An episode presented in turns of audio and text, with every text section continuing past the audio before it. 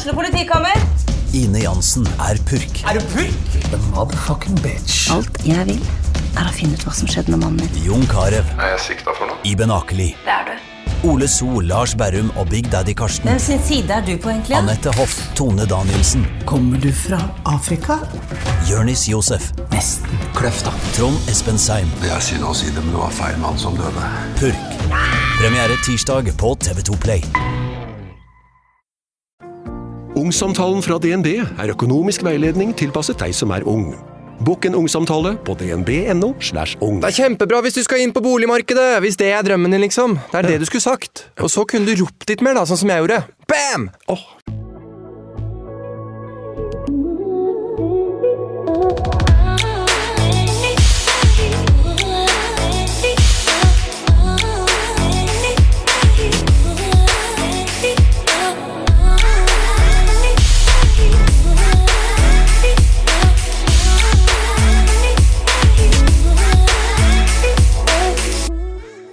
Som åtteåring spilte han på oddsen for første gang. Som ti-elleveåring brukte han alle sparepengene sine på spill. Han ble hekta da han var 13 år. Da Ørjan Hopen var 19 år gammel, hadde han fått trussel om knuste kneskåler på grunn av spillgjeld.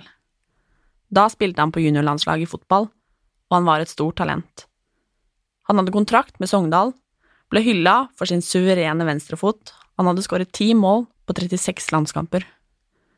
På mange måter levde han et liv mange bare kan drømme om. I hvert fall utad. Da han var 18 år, satt han en time på skolen og vant én million kroner. Og det var da det bikka. Eller vendepunktet, som han selv, kaller det. Cirka 30 000 mennesker sliter med pengespill i Norge i dag, og ca. 60% av befolkningen i alderen 16 til 74 år spiller pengespill hvert år og mørketallene er store, spesielt i idretten. I mange kompisgjenger er det en greie å spille pengespill, eller å bette. Kanskje setter man seg ned foran en fotballkamp på TV-en, legger inn en pott og håper på å vinne. Stort sett så gjør man jo ikke det, men man kan også vinne. Mye. Men man kan også miste alt. Alt man eier og har. Og seg selv. Selv om man tenker at det ikke skjer med meg at man har kontroll. I dagens episode snakker jeg med Ørjan om det å være spillavhengig, hvordan han ble det, og hvordan han har kommet dit han er i dag. Velkommen, Ørjan. Takk, takk. Så hyggelig at du vil komme og skravle med meg. Ja, det blir artig, da. Det setter jeg pris på. Det er jo et viktig og ganske tabubelagt tema vi skal prate om.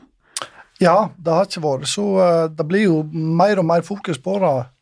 Men i hvert fall de siste, siste åra så har ikke det vært prata så, så mye om det, så det blir, eh, blir spennende. For det er jo litt flaut å si høyt at eh, man er spillavhengig, er det ikke det? Jo, det er jo på en måte skammen som følger med, og, og ja, det å ja, svikte seg sjøl og svikte andre, liksom, er jo ikke noe du står og flagger. Så det er jo selvfølgelig du, så kjenner du jo på, på ja, skuffelsen og skammen, som da igjen blir en konsekvens av at det, det blir, blir tabubelagt ofte.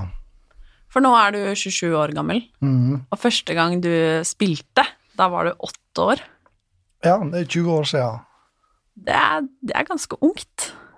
Ja, og det var jo veldig uskyldig òg. Det kunne jo være etter jeg hadde vært på skitur en, en lørdag, og så uh, leverte jeg da en, en, sånn her uh, vanlig tippekupong sånn med tolv uh, kamper. og Det kom jo av at jeg var genuint interessert i fotball og, og trente jo stort sett fotball hele tiden og så på fotball hele tiden, så det ble liksom en sånn naturlig konsekvens av, av det. Spurte du noen gang noen om hjelp, da? Jeg bare tenker åtte år gammel og liksom vite Eller bare skjønte du hvordan det fungerte? Eh, nei, hvordan jeg, hvordan jeg skulle fylle den ut, da kan jo hende at jeg spurte om hjelp, men, men uh, i, i, forhold til hva skal jeg si, å få tips fra andre, så gjorde jeg vel ikke det. For det har vært litt av drivkraften min òg mens jeg drev på, at da, det var liksom om å gjøre å slå de, slå de andre òg, da. Altså både få et eh, konkurranseaspekt sånn sett, og ha sjansen for å, for å vinne penger, da. Så um, det tror jeg var bare mine egne tanker og, og meninger som la grunnlaget for de første tippekupongene. Vant du noe da, når du liksom var åtte-ni år gammel? Nei, Det var i hvert fall ikke rare summene, så jeg kan ikke huske noe sånn, sånn spesielt på, på, den tiden. Det var jo ikke før jeg ble ja, 13-14 det liksom ble noe penger å, å snakke om. For du eh, Når begynte du å spille fotball? Nei, sånn aktivt, eller, eller Ja, når du var liten, da. Nei, da, da gjorde jeg jo fra jeg var sikker Sikkert fra jeg kunne gå, antageligvis.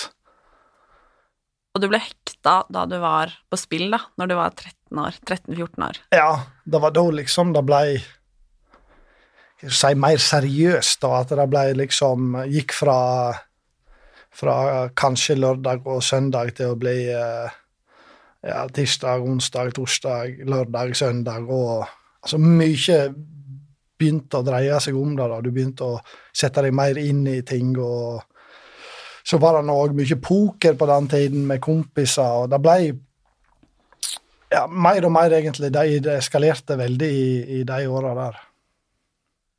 Altså Når jeg hører 13 år, så tenker jeg jo nå sånn at det er altfor ungt. At det ikke egentlig er mulig engang, liksom. Men det var det jo tydeligvis. Ja, og på den tiden der så var det jo ikke noe, noe aldersgrense heller for å, for å, kunne være med på, på tipping. Og så var jeg eh, Hadde mye eldre kompiser pga. fotball, for at jeg ofte spilte på årsklasser som var to og tre år eldre enn meg, som gjorde at når jeg var 14 og de var 16-17, så ja, var jeg kommet si, litt lenger da i, i i, uh, enn hva, hva, som egentlig var, var, grunnlaget. Så de hadde uh, kanskje noen, uh, noen jobber og hadde mer penger tilgjengelig, da, mens jeg brukte da alt jeg hadde for å på en måte holde følge og kunne være med og spille poker med, med 400-500 kroner inn i, i, potten. og ja, Jeg tror det òg var, var litt, litt, av grunnen til at det eskalerte såpass. Så du spilte liksom Eller da spilte du med de andre?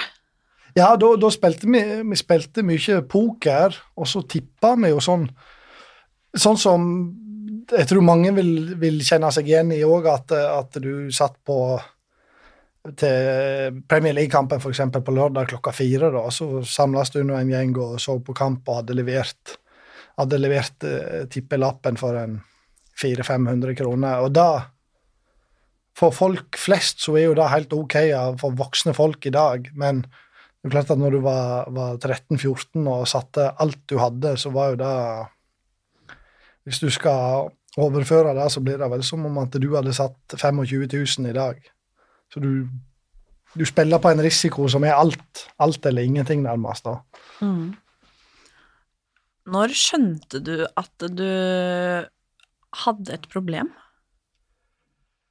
Um, ja, da, da, tror jeg ikke at jeg Eller kan hende jeg skjønte det når jeg var en, en 16-17, kanskje, men jeg innfant ikke meg med det før jeg var eh, da 18-19. Det var da jeg liksom tenkte at uh, her er det ikke alt sånn som det skal være. Og, og uh, uh, første liksom vendepunktet kom jo når jeg var på, på uh, klinikken borte. For jeg har jo vært til psykologer opp gjennom alle åra, men det er mest fordi at foreldrene mine har sagt at du må reise dit. Og så har jeg uh, tenkt at ja, ja, jeg får gjøre det så mor blir fornøyd. Og så har jeg egentlig dritt i hva som har blitt sagt der, og hva som har blitt gjort der. Da jeg har møtt opp fordi at jeg skal møte opp, og så var det bare om å gjøre å komme seg derifra fortest mulig. Eh, men når jeg var borte på klinikken i England, så eh, tenkte jeg vel mer over å være innstilt på det sjøl òg, og, og, få bukt med problemer og få, få gjøre noe med det. Hvilken følelse har det gitt deg å spille? Hva var det du på en måte likte sånn med det? Eh, Det er jo både da å vinne, eller ha muligheten til å vinne, men òg da at uh, jeg syns det var så jækla trivelig å, og, uh, ja, bruke en fire-fem timer på forberedelser og sitte og vurdere forskjellige ting, og egentlig bygge opp til avspark da, og de type tinga der. Og, og ja, hadde det jo som en, som en, en hobby da, som tok ja, åtte-ti timer av døgnet, liksom.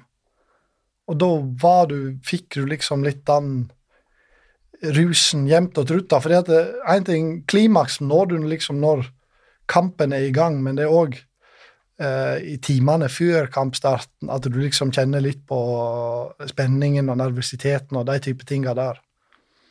Hvordan reagerte du når du tapte?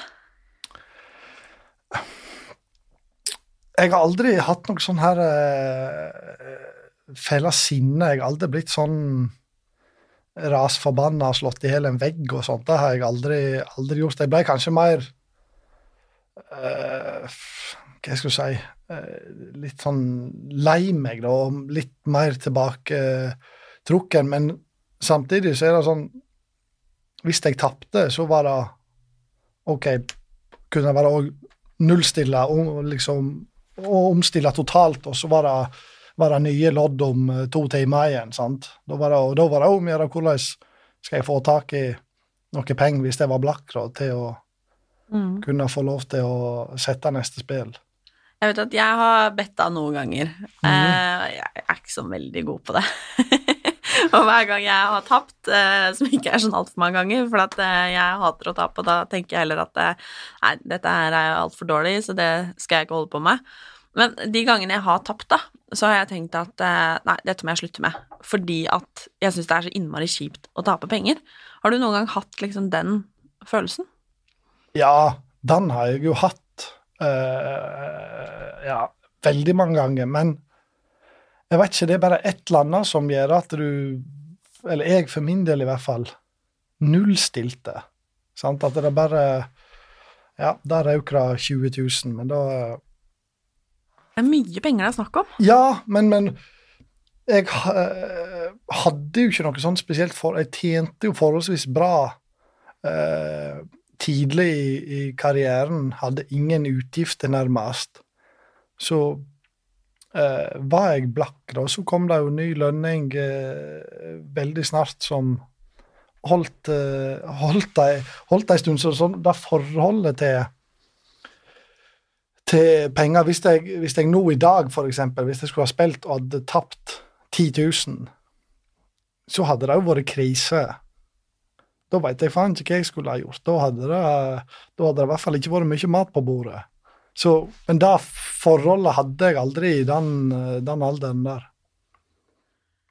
For du var 18 år da du på en måte vant din første store, store sum. Mm. Fortell litt om det.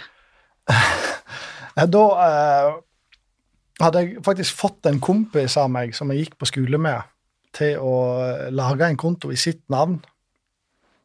Som jeg betalte han, og så satte han innpå inn på penger. Og så satt jeg og kjeda meg i en dobbelttime med norsk, der vi hadde fokus på dansk diktanalyse, og det fenga ikke all verden. Jeg skjønner det. Så uh, da satt jeg jo selvfølgelig bakerst i klasserommet i, i hjørnet der. Og så begynte jeg å spille på, på kasino, så trykte jeg feil på PC-en. Sånn at jeg satsa 200 euro på ett trykk. Og så ble det full Texas på PC-en i en eh, ja, fire-fem minutter. Og så, eh, når det var ferdig, så hadde jeg da vunnet 130 000 euro i klassetimen der. Så mens de andre satt og lærte om eh, dansk diktanalyse, så satt du på bakerste rad og vant en million kroner? Ja. ja. Hva føler man da? Uh, nei, du blir jo jævla glad, selvfølgelig. Men jeg, jeg, jeg, jeg Det var ikke noe sånn euforisk Jeg ble ikke helt sånn, det klikka ikke. Jeg, jeg, gjorde egentlig, jeg tok bare ned en PC når timen var ferdig. Og så gikk jeg og skulle ha naturfag etterpå. Så det var liksom ikke noe sånn uh, Det var helt merkelig, dette der. Men det er klart, det var jo jeg var jo sikkert i strålende humør, vil jeg anta, og, eh, og uh, så sikkert for meg at ja, fy faen, nå skal vi ha mye moro framover, liksom, og, og de type tinga der, men jeg kan ikke huske akkurat hvordan den, den følelsen var, selv om jeg vil jo anta at det var Hvor fort etterpå spilte du igjen? For jeg vet, hadde det vært meg, hadde jeg vunnet én million kroner på spill, så hadde jeg antageligvis tenkt at det skal jeg aldri gjøre igjen, for nå har jeg brukt opp liksom flaksa mi. Ja, men sånn tenkte ikke jeg, for å si det sånn. Jeg var vel Ja, nå veit jeg jo ikke det, men jeg vil jo tippe det at eh, i hvert fall når kvelden kom, så hadde jeg nye lodd i, eh, i aksjon. Det er jeg eh, ja, helt sikker på, nærmest. Det må jo ha tatt fryktelig mye fokus fra det du egentlig kanskje skulle holde på med? Ja, da gjorde du det, fordi at jeg, Altså, jeg har jo tippa på alt mulig du kan tenke deg. Så Og så har jeg spilt poker, spilt på trav. Altså alt, alt mulig. Så ofte hvis jeg satte meg til å spille poker klokka åtte-ni på kvelden, og gikk langt i turneringen, da, så ble jo klokka både fem og seks på natta før jeg fikk sove, og så var det å sove to timer da, hvis jeg gadd å stå opp til å komme meg på skolen eller på trening igjen. Så det, det, det var jo ikke forenlig med å leve en sånn toppidrettskultur med lite søvn og dårlig kosthold og fokus på, på, helt andre ting. Så det er jo det som er litt sånn merkelig, at når det sto på som verst med, med gamblingen og mye låning av penger og løgner i hytt og gevær, var samtidig som jeg var best på fotballbanen. Ah, ja. Så det er jo veldig sånn merkelig, egentlig. Hva Jeg tenker sånn når du var sånn 18-19 år, ja.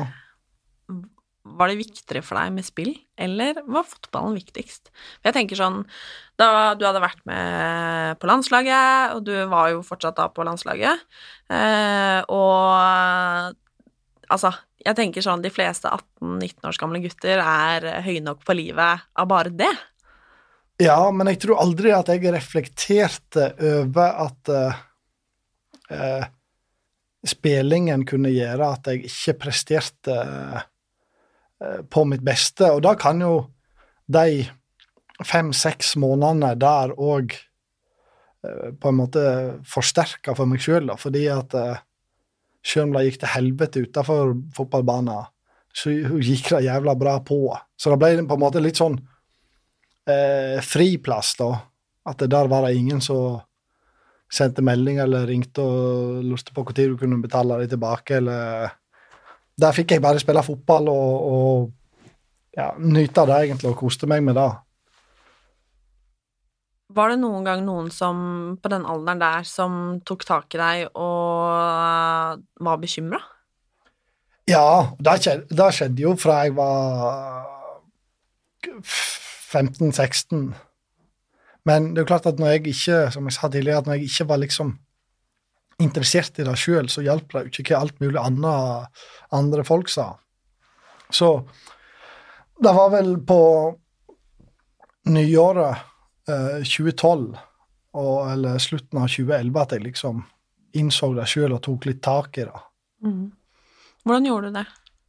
Nei, da ble det jo eh, Uh, ja, jeg, jeg, husker ikke akkurat hvordan det var, men det var vel uh, ja, Det var jo mye utfordringer rent økonomisk da, å få ting til å gå opp, og du blir jo litt sånn Snøballen Jeg pleier å bruke det som et begrep at snøballen bare ruller og ruller og ruller, blir større og større, og så til slutt så smeller den inn i heishuset.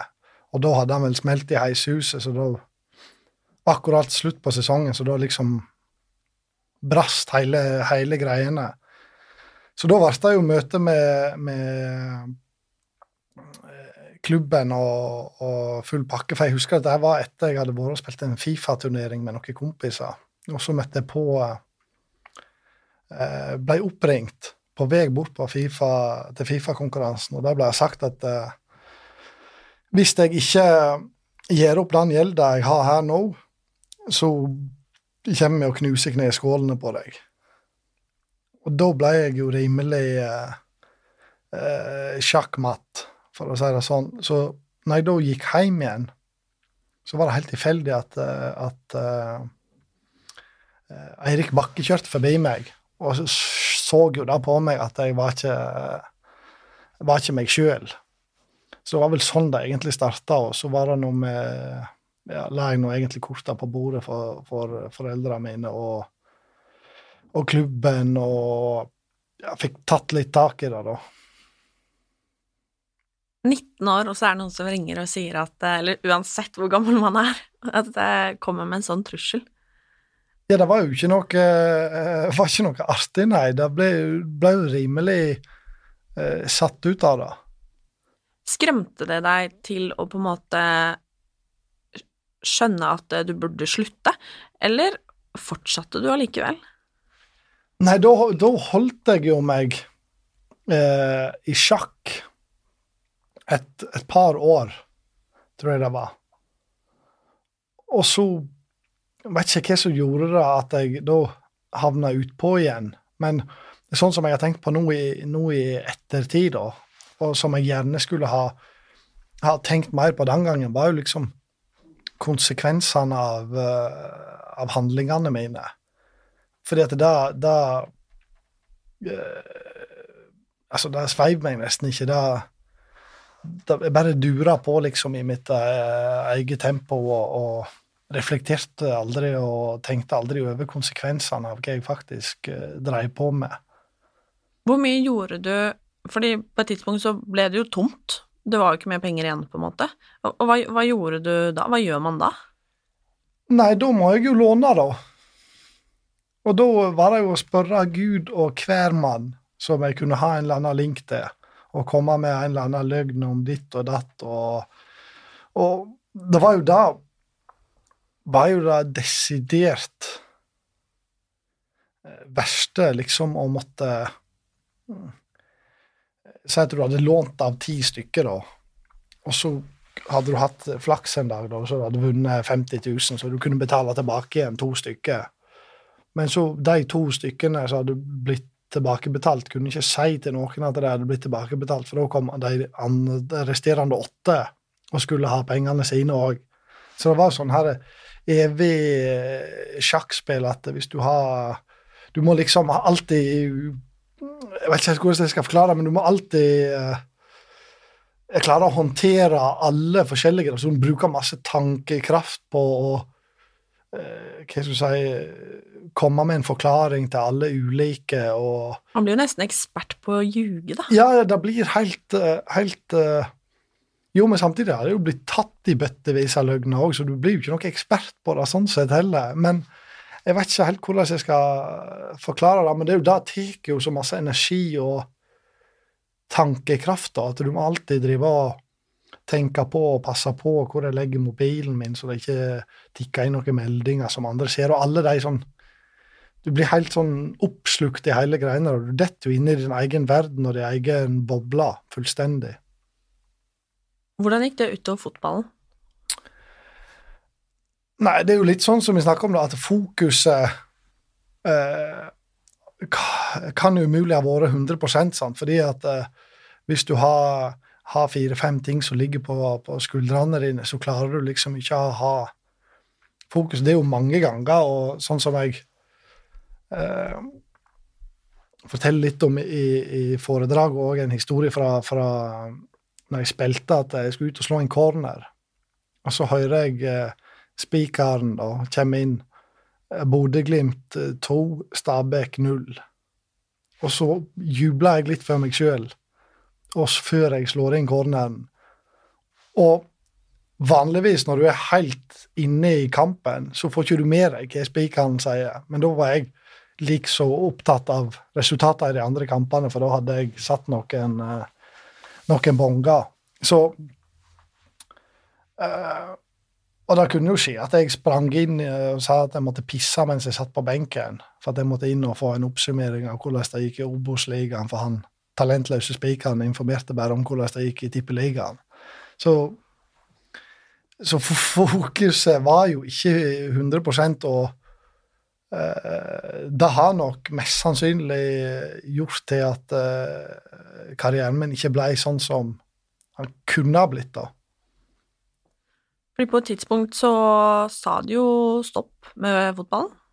Ja. Eh, hva skjedde da?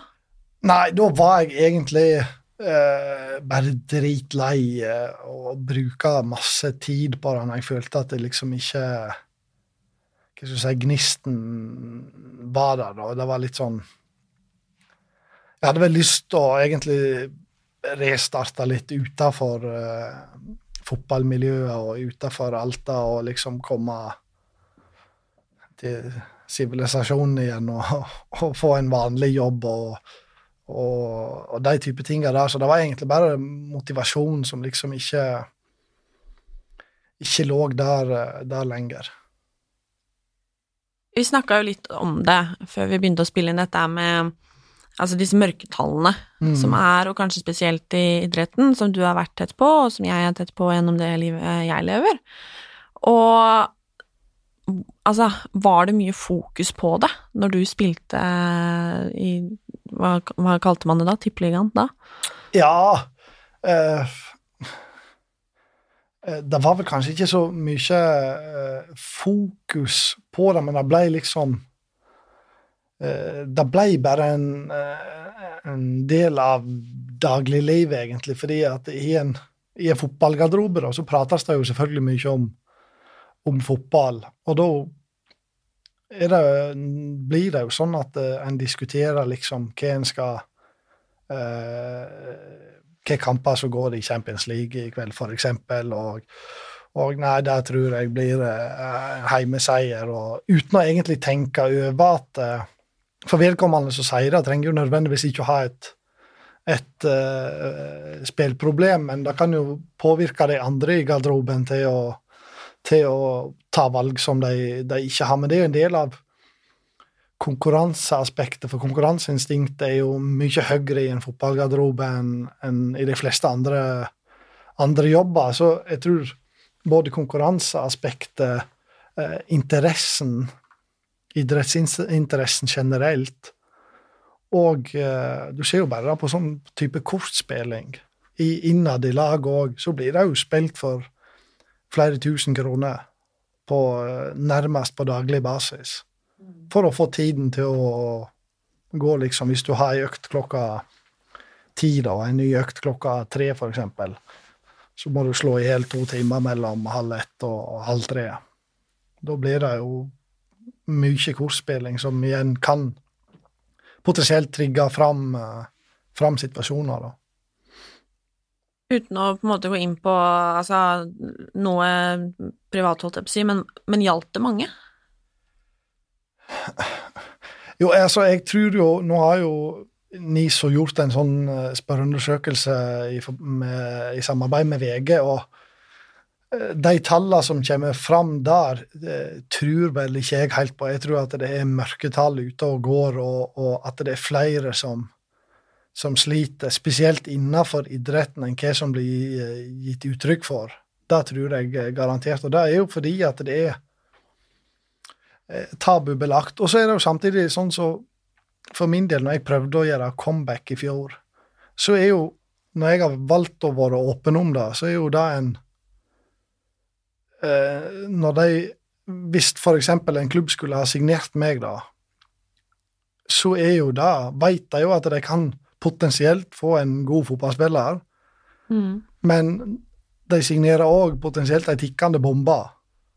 Og den har du, hvis du har, ser for deg en idrettskarriere ti år fram i tid, der, eh, og da spesielt innenfor lagidretten, så er det veldig uh, ja, det, da, er ikke, da, er ikke, det noe du har lyst til å ha med deg, fordi at det kan forhindre deg i, ja, i, for, i forhandlinger og de type ting. Så jeg kan på en måte forstå det òg, og så er det jo det med at, at du skal jo liksom være et et uh, forbilde osv., da skal du liksom ikke vise noen svake sider. Mm. Hvorfor valgte du å være åpen om det i første omgang? Nei, da eh, Da husker jeg ikke hvorfor jeg gjorde det første, første gangen, men sånn i seinere tid så har det jo blitt uh, uh, Det er liksom jeg, jeg har ikke så forbanna mye mer å tape, på, på en måte, som, så jeg kan på en måte representere uh, Representere noen, og samtidig nå i etterkant så har jeg jo jeg har jo fått flere forespørsler og henvendelser av folk som uh, sliter eller har opplevd det samme. Mm. Og det er jo veldig eh, hyggelig på en måte. Det er jo ikke hyggelig at folk eh, sliter, men det er jo kjekt at, eh, at, at jeg har vært åpen og ærlig om det, gjør at eh, folk eh, sender en melding og lurer på om jeg kan plinge på dem liksom, og, og, ta en prat. Da gir det jo en verdi tilbake til, til andre folk. Og det er veldig viktig og veldig fint. Ja, og, og, og så er det òg veldig kjekt for min del at Mm.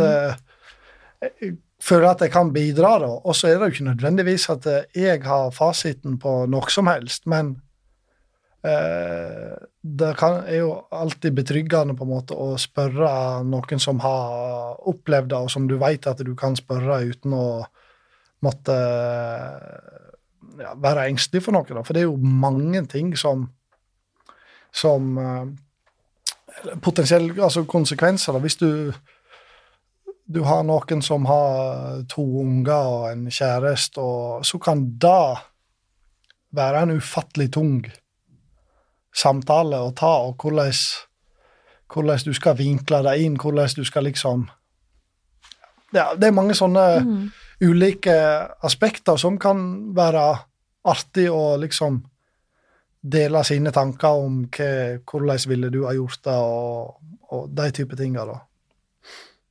Hva har vært det verste med dette her? Den verste konsekvensen?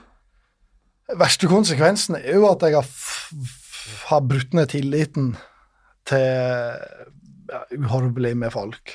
Det er jo det desidert verste, og det har jo gått kompiser av fløyten og dårlig forhold til, til foreldrene mine på enkelte tidspunkt, og, og søsknene mine. Så det, det er jo det som liksom eh, Penger har jeg jo tapt, men der kan du liksom komme deg ut av på et eller annet tidspunkt. Mm. Så det, det gneger jo meg, det òg, men det er, liksom, det er ikke det verste. Det er, det er alle de tillitsbruddene, egentlig. Man hører jo ofte om eh, du som har vært eh, veldig god i din idrett, så hører man ofte om den dødtiden, da, som vi var litt innpå i stad også. Dette med å komme hjem fra kamp, har kanskje vært helt konge på, i match, liksom, og så kommer du hjem til en tom leilighet, kanskje du bor i et land der du ikke har så mange rundt deg, du eh, har mye fritid, du er mye aleine. Tror du du Tror man at Altså, kan man gjøre noe for å på en måte Det er jo så veldig mange som havner utpå med enten det ene eller det andre, eller på en måte skal fylle det tomrommet, da. Ja, og det har jo mange prata om òg, spesielt eh, etter karrieren, da. Du er liksom vant til å være kongen i, i byen og få spille foran 50 000-60 000 hver lørdag og annenhver onsdag, liksom, og så bang, så er du en av alle andre. Og det har jeg full forståelse for, at da, da mister du det, og da er det fort å prøve å finne en, finne en erstatning for det. ok, jeg, jeg, jeg vet ikke om jeg har noen sånn spesielt gode tips, men det er, jo, det er jo liksom å prøve å finne noe annet å involvere seg i, da. Altså finne et eller annet som du sjøl føler at ikke går utover, utover fotballhverdagen, f.eks., samtidig som du ikke bare ligger hjemme på, på sofaen og eh, spiller på kasino eller spiller poker. Altså det å fylle hverdagen med noe fornuftig er jo det eh, beste, beste tipset. Men det er, jo, det er jo veldig utfordrende, fordi at eh, en, en toppidrettshverdag krever jo veldig mye òg at eh, du må ta det med ro, du må hvile. Så du må på en måte ha, ha de to timene på sofaen imellom øktene, f.eks. Mm. Så det er jo en sånn litt sånn vanskelig eh, balansegang i forhold til Og så er det jo veldig individuelt òg. Noen trives jo bra med at det liksom går i forholdsvis ett bankakjør, mens noen er det viktig å legge seg på sofaen helt alene uten noe mas og kjas og koble av. Mhm. Og så lurer jeg på hvordan i alle dager har du kommet dit du er i dag? Ja, det er jo et uh, godt spørsmål. Jeg var litt inne på det uh, tidligere, at det er jo liksom uh, Jeg har blitt eller blitt flinkere. Før tenkte jeg jo ikke på konsekvensene. Nå tenker jeg jo på konsekvensene av, av, av handlingene mine. Og har innsett liksom alle mulige eh, feiltrinn og prøver å, å lære av dem. Og det var egentlig litt sånn tilfeldig òg, for jeg begynte bare å, å skrive på, på foredraget mitt, som egentlig var første eh, drivkraften, kan du si, eller første steget. Og så ble det jo mye refleksjoner rundt, eh, rundt skrivingen, og du liksom fikk oppsummert litt og tenkt deg mye om det, altså, og opplevd eh, situasjonene igjen.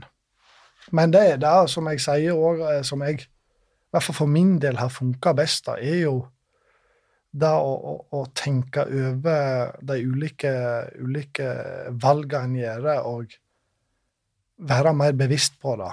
Fordi at det er ikke noe fett å miste kompiser på grunn av at du har, har gjort feil ting og gjort dårlige valg som du ville ha vært unngått hvis du hadde tenkt deg om et par ganger.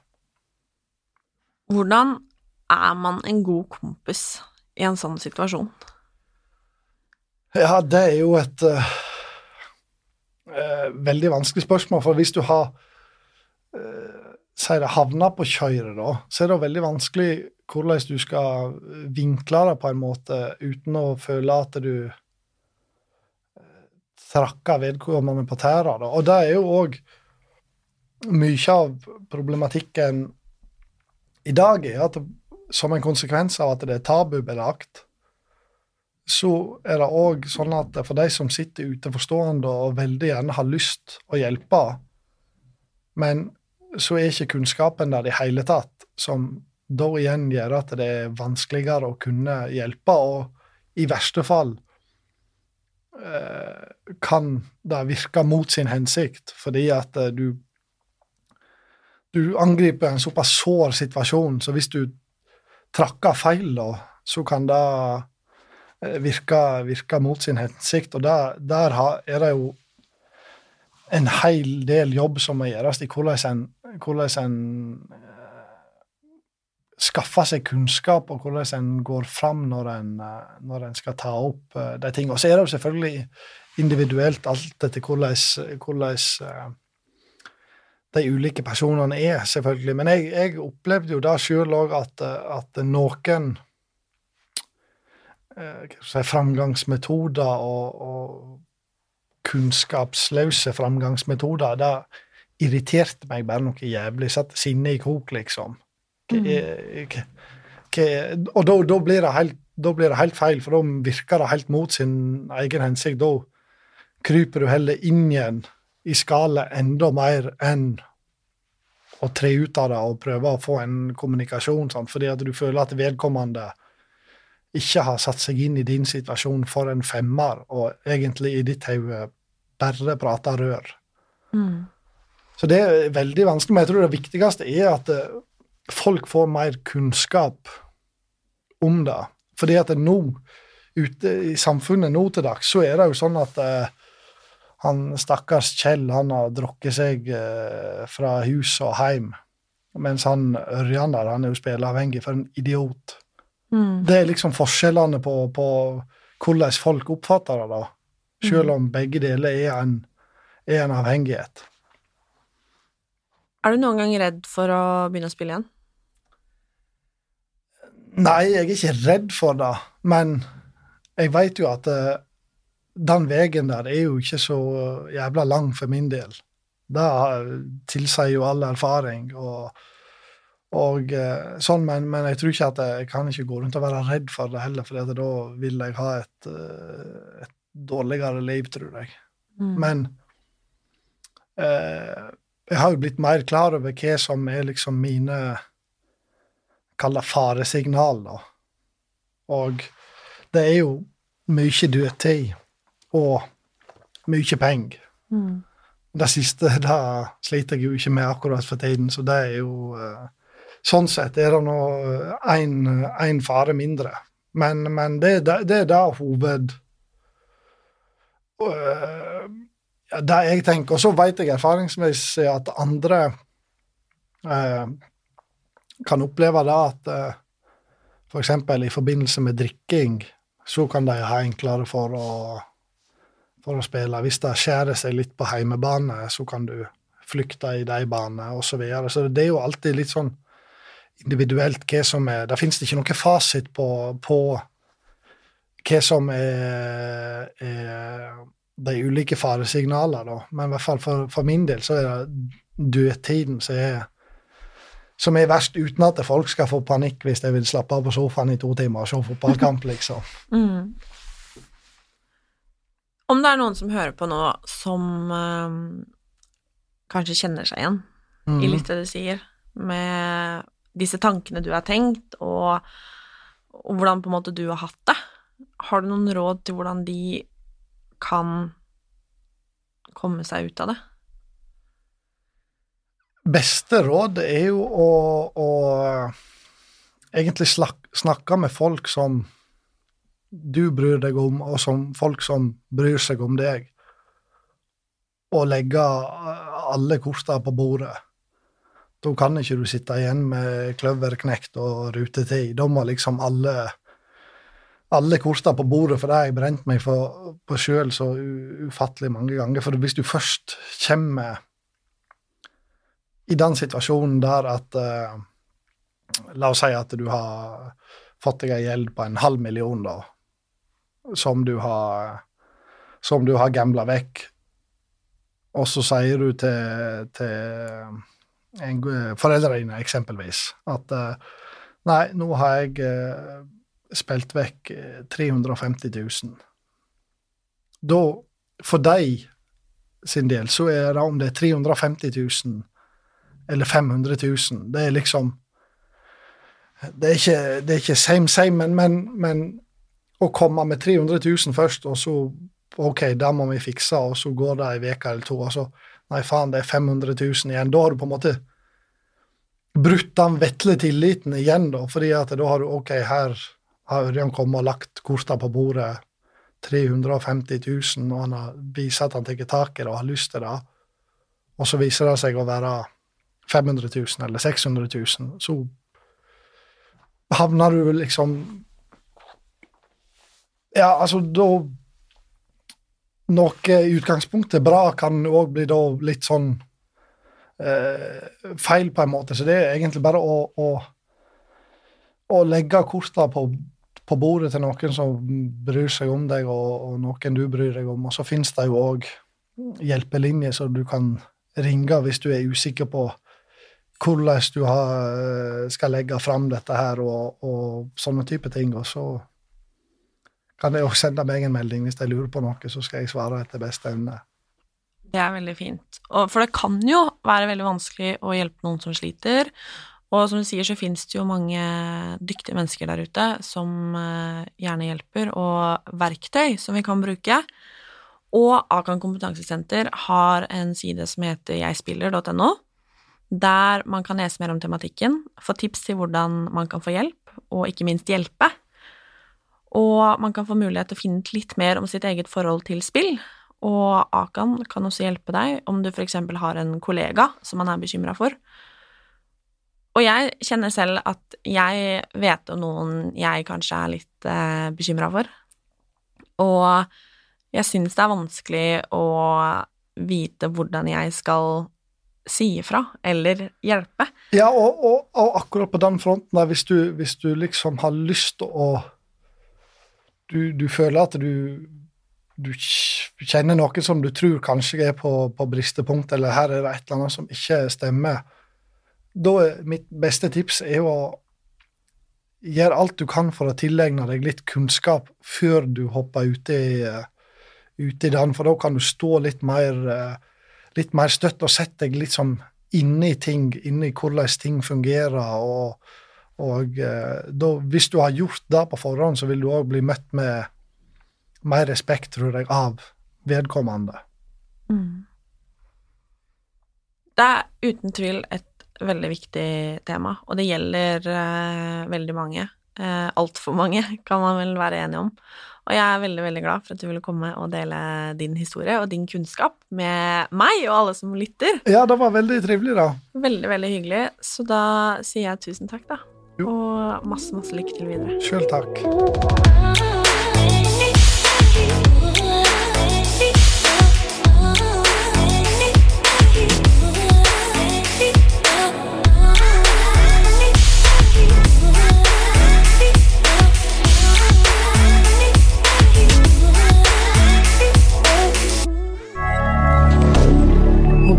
Canada.